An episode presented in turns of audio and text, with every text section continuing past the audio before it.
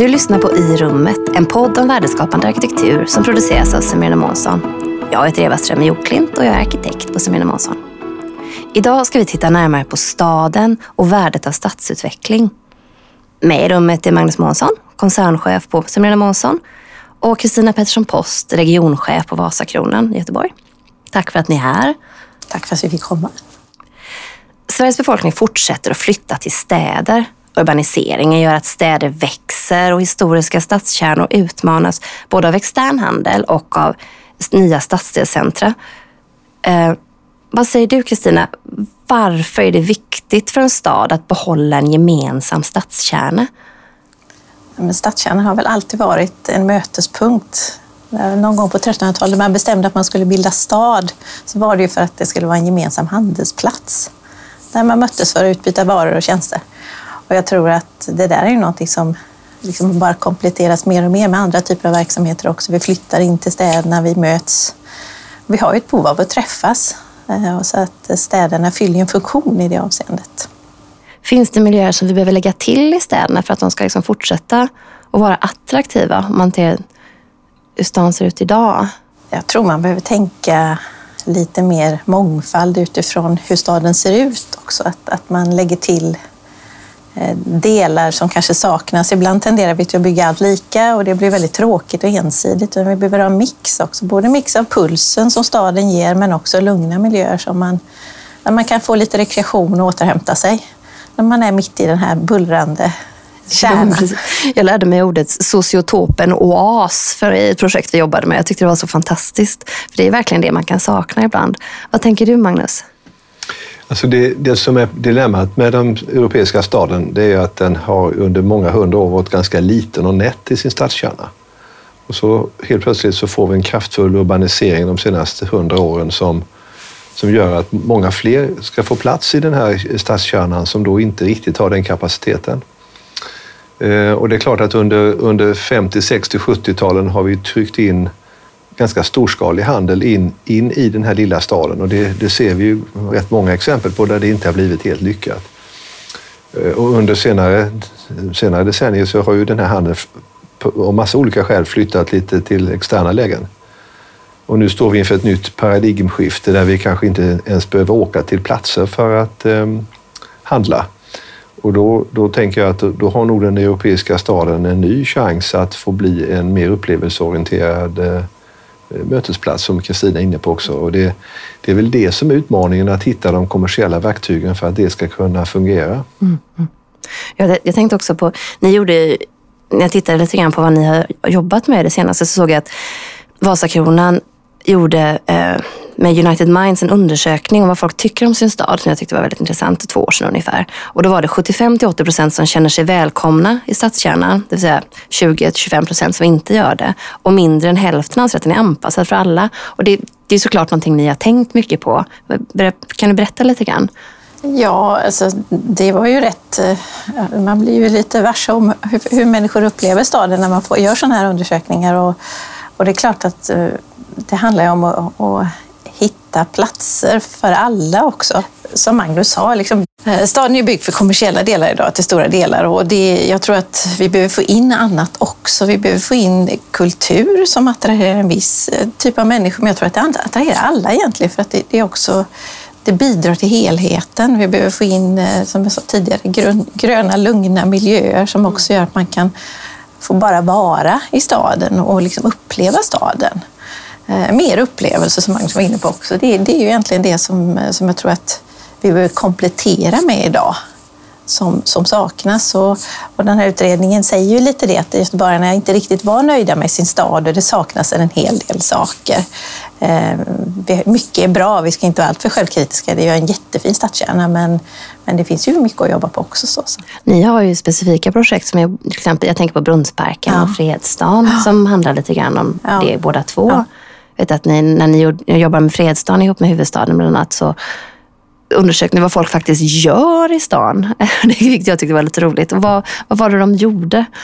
Ja, men de mest, det är många som bara går och flanerar eh, och, och, tittar och upplever. Och det, det, är ju, det är ju bra att man också använder staden till det, till en mötesplats och, och vara.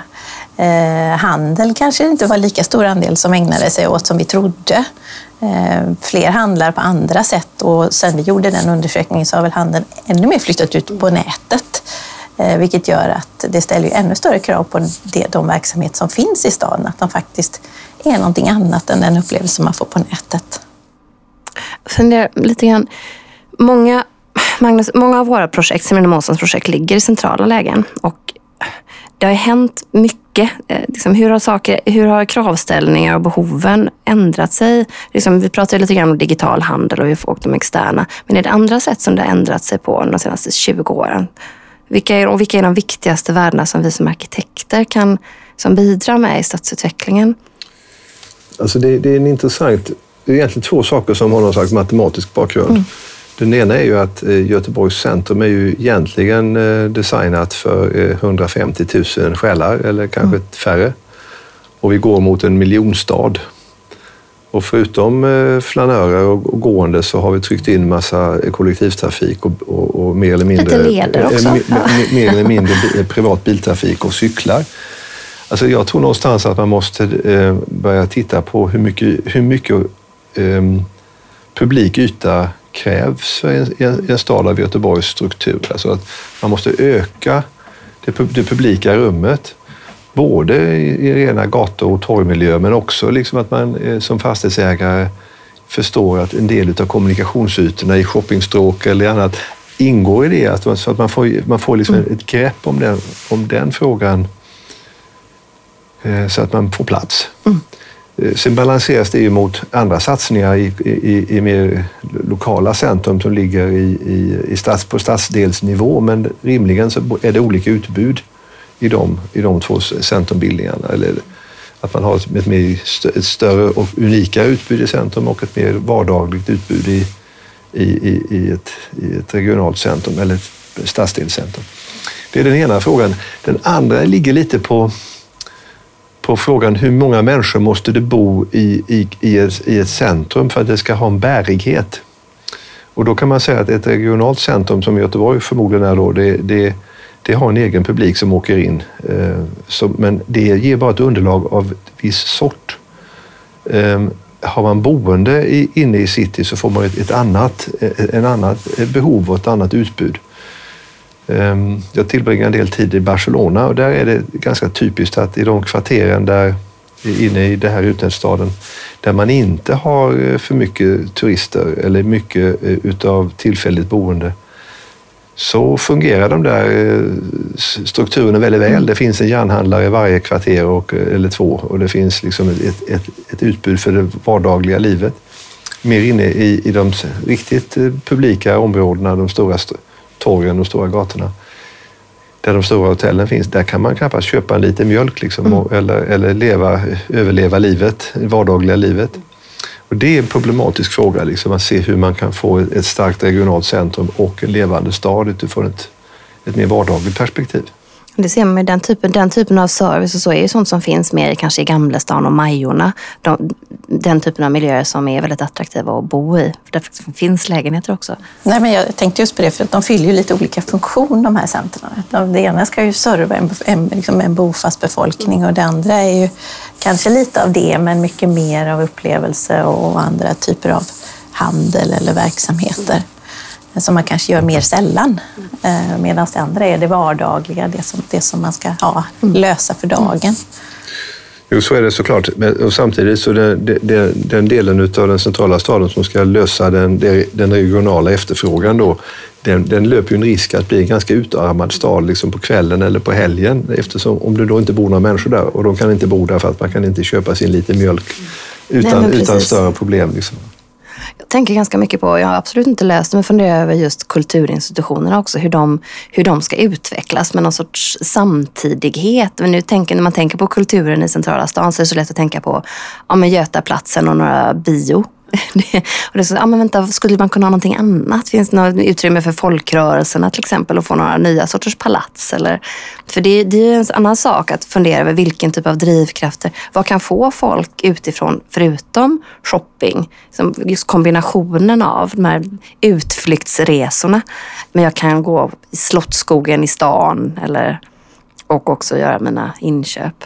Nej, men det, är, det är ju viktigt att få in de inslagen. Vi har ju Art Made This som vi har jobbat mycket med där vi har egentligen fått ut konst på gatan, Ja, i ja, gatumiljön. berätta lite om det, för det är inte alla som vet så mycket om det tror jag. Nej, det är ju egentligen ett, ett konstprojekt där unga lovande kvinnliga konstnärer har fått chansen att måla eh, våra tråkiga garageportar egentligen. De var tråkiga, Ja, ja. de var jättetråkiga och det blir oftast klottrat och, och, och trist och mycket förstörelse och sånt där. Och sen så Ja, det var några som kom på en klok idé att det här kanske vi ska testa och prova och, och, och liksom både få då två saker i ett egentligen. En trevlig upplevelse och samtidigt faktiskt en, en port som håller över tiden. Och det, vi har inte haft nä, nästan någon skadegörelse alls på de här portarna som vi har målat upp. Eh, och ett antal konstnärer har faktiskt gått komma ut och visa sig. Så jag tror det är över 70 stycken konstnärer nu runt om. eh, Vi började här i Göteborg och sen så har vi spridit det till Stockholm och Malmö och Uppsala också. Ja, men det, är, det är jätteroligt att se, för jag tycker också sådär, som en person som går mycket genom stan och särskilt rör sig på den där typen av gator, Ja. hur, hur man upplever att den plötsligt är befolkad när någon har lagt ner lite omsorg. För det är det, tycker jag, som den här, inte minst den liksom, Ja. Art Made This visar. De är dessutom upplysta på kvällen då, Ja. så man kan se dem även med kvällstid. Då. Så att, eh, det är också när man rör sig i staden så skapar de också någon form av trygghet i det också. Så att, eh, det är en väldigt viktig aspekt just att få in trygghetsaspekten också i, i stadsmiljön. Jag tycker det är ett fantastiskt eh, trevligt projekt. Ja. Alltså, li- lite negligerade ytor som helt plötsligt får en helt ny dimension i, i, i både stadslivet och i, i, i, i kulturlivet. Eh, Men jag, jag, det finns några stycken saker som är lite vägvisande. Det här är en sån vägvisande fråga när, man, när fastighetsägare tar, tar ett större ansvar över lång tid. Alltså, och ser till att vi, vi tar fram konstnärliga inslag i, i stadsbilden. Det, det, det, är en jätte, det tycker jag man ska verkligen uppmuntra och, och kanske utmana även, även era kollegor eller konkurrenter att, att vara lite mer aktiva på det. Art battle, Men, men det kan ju vara en liten tävling någon gång kanske. Men, men eh, man kan också se eh, det här, det här, den stora institutionen som, som lite gammaldags kan man nog Ja, säga. men precis. Det här med att eh, bibliotek, stadsbiblioteket flyttade ner i sina 300 kvadratmeter vid, vid Hamngatan. Det tror jag är en väldigt viktig signal för hur kulturen kan bedrivas. Alltså vi, väldigt, väldigt, det är mycket enklare och mycket mer tillgängligt att, att få komma dit och lämna och, och, och, och, och låna sina böcker. Men även annan kulturell verksamhet kan ju vara lite mer pocket size. Absolut, men ser ju, just bokhandlare ser man ju faktiskt internationellt också. Eller inte bokhandlare utan bibliotek. Eh, Det finns ju många shoppingcenter som har det nästan som, som liksom prime-yta. Ett, ett stort Ja, bibliotek precis. där man möts, för det är ju en mötesplats också. Och Jag tänker på så här Stadsteatern som har de här lunchföreställningarna. För många är det superlångt upp på Götaplatsen. Ja. Tänk om de hade en liten scen så här i Brunnsparken. Det hade varit Ja. super. Det handlar lite om det att man, kulturen måste nog gå ut och möta sin publik lite, lite mer aktivt och då, då, är- då förutsätter det nog en slags interaktion mellan eh, dynamiska fastighetsägare och dynamiskt tänkande kulturpersoner som kan få, få det här att fungera. Och det kan vara miniutställningar, aktuell eller, eller, eller gammal, från de gamla samlingarna eller det kan vara musik eller teater eller så. Alltså det, men det, det, den delen utav av upplevelsen i, i ett centrum är väl superintressant att se hur man kan kombinera det med, med mer kommersiella verksamheter. Mm. I Göteborg har vi ju klustrat kulturen Ja, väldigt mycket. Eh, Och, och det, det var ju, vi har ju klustrat mycket andra verksamheter också. men, men eh, jag tror att vi måste nog gå ifrån det här med klustertänket Mm. allt för, som, som liksom blir så ensidigt, utan blanda upp istället. För det är då det blir den här härliga mixen som man är Ja, ute efter. precis. Särskilt som vi har alla barriärer som vi behöver jobba med hela Ja, tiden. Att det, blir, det blir som sådär, klustren blir perifera plötsligt istället för ihopknytande. Ja. Ja. Ja, eller, ja, det kan ju väl vara att klustren har sitt värde också. Stora samlingar tar plats liksom och så, men de här små pocket, par, pocket komplement. kan ju väl vara små aptitretare för att eh, väcka intresse och för att kanske till och med få, väcka ett intresse för de som inte är intresserade av det som man visar. Och till slut hamnar man väl uppe på Götaplatsen om, man, om man blir tillräckligt biten så att säga. Precis. Och jag känner väldigt behov av så lite mer generella rum helt enkelt i de kommersiella fastigheterna. Att det ska finnas plats för ja, men vara tillräckligt högt i tak för att det ska finnas, kunna vara en stråkkvartett som sitter och kanske få tänka på det. Absolut. Jag tror att det kommer Ja. mer och mer, alltså den här typen av inslag, eh, stråkkvartetter eller annan typ av verksamhet som, som eh, fylls ut inne i, kanske till och med in i butiker och så. Ja, så att man, för butikerna kommer ju på sikt också minska i storlek. E-handeln tar ju en stor andel och då behöver man inte ha så stora ytor.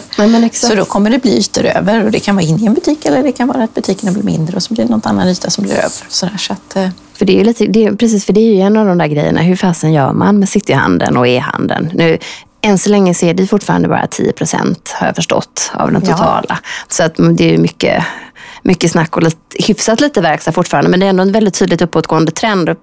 Och vi som sitter här är ju inte födda för efter 1990. Och det är de som tydligen ska påverka den här digitala handeln allra mest. jag tror att de, de yngre, den yngre upp till 25 eller sånt där, de, de handlar 70 procent av sina kläder Mm. Ja. på nätet. Ja, men exakt. Och i city så är det ju för det mest till stor del klädbutik. Mm. Alltså det, är ju, det är ju kläder som vi säljer i, i stadskärnorna, många gånger också skor och lite annat. Då. Men, men det är ju det som är dominerande. Så då kan man fundera på hur det kommer se ut när, när det är de som står för den stora kakan av, Ja, men av precis. Och men hur ska man, såklart, vi tänker ju alltid så men hur tänker man att den digitala handeln kan bli den här härliga positiva kraften för stadsförnyelse? För det, förändring är ju ändå härligt. Då kan det ju bli de där platserna kanske för lite mer kultur, eller hur, hur tänker ni? För det här är ju såklart någonting som ni jobbar jättemycket med. Ja, vi jag. försöker jobba med att följa med de här trenderna och se, alltså, fylla på med annat och så. Eh, Men det är ofta som en, liksom när det kommer en kris, för det tror jag det kommer, och då, då ställer man ju om, alla ställer om och då kraftsamlar man. Det, kriser brukar ju också vara någonting som faktiskt skapar energi, att man måste göra någonting. Eh, Och då blir vi nog mer kreativa i, som helhet också, att vi alla hjälps åt och, och bidrar till att eh, skapa nya händelser, nya, nya upplevelser i stadskärnan och också ta de här frågorna på allvar. Än så länge så tror jag inte viktigt vi ser förändringen. Nej. Vi ser, vi ser inte krisen Nej. riktigt än så länge. Ja, vi ser den kanske minst, mindre i Göteborg än i de regionala städerna, eller i ännu mindre städer, för att vi har en kraftigare tillväxt här som gör att den, den ökning av handel som man hade haft om inte vi hade haft e-handel parallellt, det håller det där i schack. Liksom. Tittar man på reg- regionala ställen så är det värre. Där, där har redan citykärnorna krympt ihop och eh, eh, i de perifera citylägena, där, där är nu sådana verksamheter som tidigare inte hade råd att ha centrumnära eh, lokaler. Det kan vara vad som helst. Det kan vara eh, piercingstudios och bil, bilskolor och sånt som normalt sett brukar ligga lite längre ut har nu möjlighet att, att flytta in för hyrorna sjunker rimligen och det där borde ju vara en, en, en, en rätt så eh, intressant bild för en stor fastighetsägare som eh, sitter med mycket citylägen och det är klart att det, det är väl det ni brottas mest med kan jag tänka. Ja, samtidigt när man, man ser på handeln så alltså, har man riktigt bra lägen så, så, så ser man också att i, internationellt sett, till exempel i London, så de bästa lägena har ändå en väldigt stark attraktion trots att man i England har drabbats väldigt mycket av e-handeln. Eh, vi var på studiebesök i London för eh, ett halvår sedan och, och då säger man på Oxford Street, att, som då ändå är den, en av de bästa gatorna, att eh, för några år sedan så fanns det inga vakanta lokaler alls och nu var det 30 stycken ute till liksom försäljning. Ja. Eh, Och, och det är klart att då, då är Oxford Street är ju mer en turistgata kanske medan då Bond Street och, och några av de andra gatorna, där var det fortfarande väldigt liksom, hårt tryck. Så det handlar också om hur man, vilken typ av liksom, handel man skapar. Man måste jobba mycket mer med stråktänk också i sina i, i, i städerna så man får riktigt attraktiva stråk. I London planerar man ju till exempel att stänga Oxford Street för biltrafik nu. Eh, och det tror jag kommer bidra positivt till att man får en annan typ av, av handel också. Och en annan typ av upplevelse. Man kan fylla på med annat också kanske då, som, som inte är alltid liksom det här eh, Ja, det som alltid har varit där. Ska jag säga. Men man är så känslig tycker jag för stängda butiker och tomma butiker. Det, det är en tråkig känsla som det behövs bara en på ett stråk för att man ska känna herregud, herregud. Ja. Det, det är ju sånt som ständigt alltid har hänt Jo, i och jag för sig. förstår det. Men det är en sån oerhört stark, det är lustigt att det är en sån stark signal på något Ja. sätt. Att, Men, men city är alltid city på något sätt. här. Det, det märker man men också i de lite mindre städerna. att Det, det överlever och det funkar. Och även om eh, ibland väldigt, väldigt väletablerade firmor inte, inte kan hålla sig kvar så men det är ju liksom, det är ganska stora volymer i utkanterna av centrum som, som kommer att ta, ill, ta illa vid sig. Alltså, men, och samtidigt så är det intressant för att vi, man har ju förlitat sig på någon slags spontanitet i butiksetableringarna i en stad. Eftersom det är diversifierat ägande så mm. har man ju diversifierat förhandlande med, med, med lokaler. Till skillnad från shoppingmålen som är ganska välregisserat idag. Och det, där tror jag kommer finnas ett utrymme längre fram att man, liksom, om du tar England England Oxford Street, alltså det är kanske de som sätter sig ner och funderar på, okej, okay, nu får vi se detta i ett större perspektiv. Här måste finnas e-, ett antal funktioner som inte finns spontant, alltså kommersiellt spontant. Och det kan ju vara ett nytt sätt att tänka att man arrangerar de där eh, de stora shoppingstråken lite mer lite mer eftertänksamt och ja. lite mer kundorienterat. Och lite mer samarbete kan jag tänka också. För att det är Mycket, det man brukar ja. liksom sälja externa etableringar med, att de kan, kolla, de kan hålla, ha digital koll på kundflöden och sådär. Men ni som är några separata fastighetsägare kanske har svårare att göra det? Eller är det någonting som, det kan jag tänka mig att ni arbetar lite ja, grann med? Jo, men så är det Fredsson är ett sådant exempel där, vi, där vi tillsammans med huvudstaden har jobbat under ett antal år nu med att försöka förstärka den destinationen. Mm. Då. Eh, och då tänker man ju lite som man gör när man, mm. man är i en galleria. Mm. Eh, alltså man, behöver, man behöver hitta stråk som är starka flöden, stråk som är mer lugna flöden kanske. Eh, och hur man vilka verksamhet som ska, ja, vilken typ av verksamhet ska jag säga, för det är inte lätt att välja. Ja, hur många sushi kan man ha? Eh, vilka verksamheter som ska vara på olika, olika delar av de här stråken. Vilka passar i det starka flödet? Vilka passar i det lugna flödet? Mm. Var ska det finnas service? Var ska det finnas kultur? Var ska det finnas andra upplevelser? Eh, var ska man kunna ja, sitta ner och ta det lugnt? Mm.